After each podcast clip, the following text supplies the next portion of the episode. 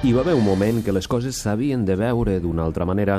Va ser el 1935, moment llampegant. Neixien a Catalunya els diaris populars de masses, diaris electritzants, grans portades amb colors, grans titulars, grans fotos, grans temes.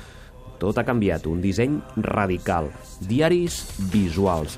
Així van ser Última Hora i L'Instant, els diaris catalans del futur. Tenien l'ull posat als Estats Units, però també estaven marcats per la política. Última Hora era un diari d'Esquerra Republicana de Catalunya i l'Instant de la Lliga Catalana.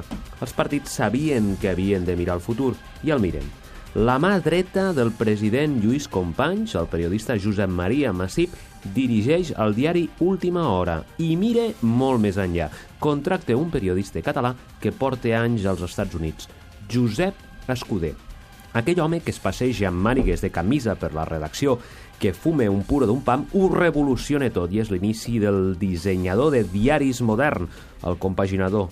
Dibuixava el diari com un pintor, equilibris entre blancs i negres.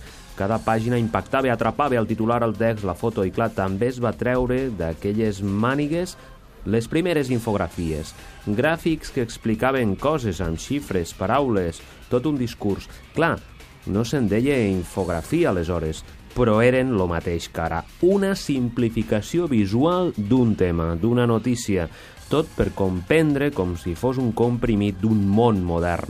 I tot al servei també d'un diari ideat per un partit, perquè Escuder era un home d'idees. Quan esclata la guerra s'arremanga ideològicament i el seu armament el destina al diari La Batalla del PUM, aquell partit marxista però no estalinista. La guerra va atacar el seu món infogràfic de, de blancs per convertir-ho tot en negre. Va marxar als Estats Units i es va dedicar a fer vitralls com un pintor, buscant la llum, la visualitat professional i política que es va pagar a Catalunya. déu nhi quin, uh, quin antecedent dels infogràfics. Doncs una història molt interessant, com sempre. Gràcies, Francesc Canosa, i ens retrobem d'aquí no res.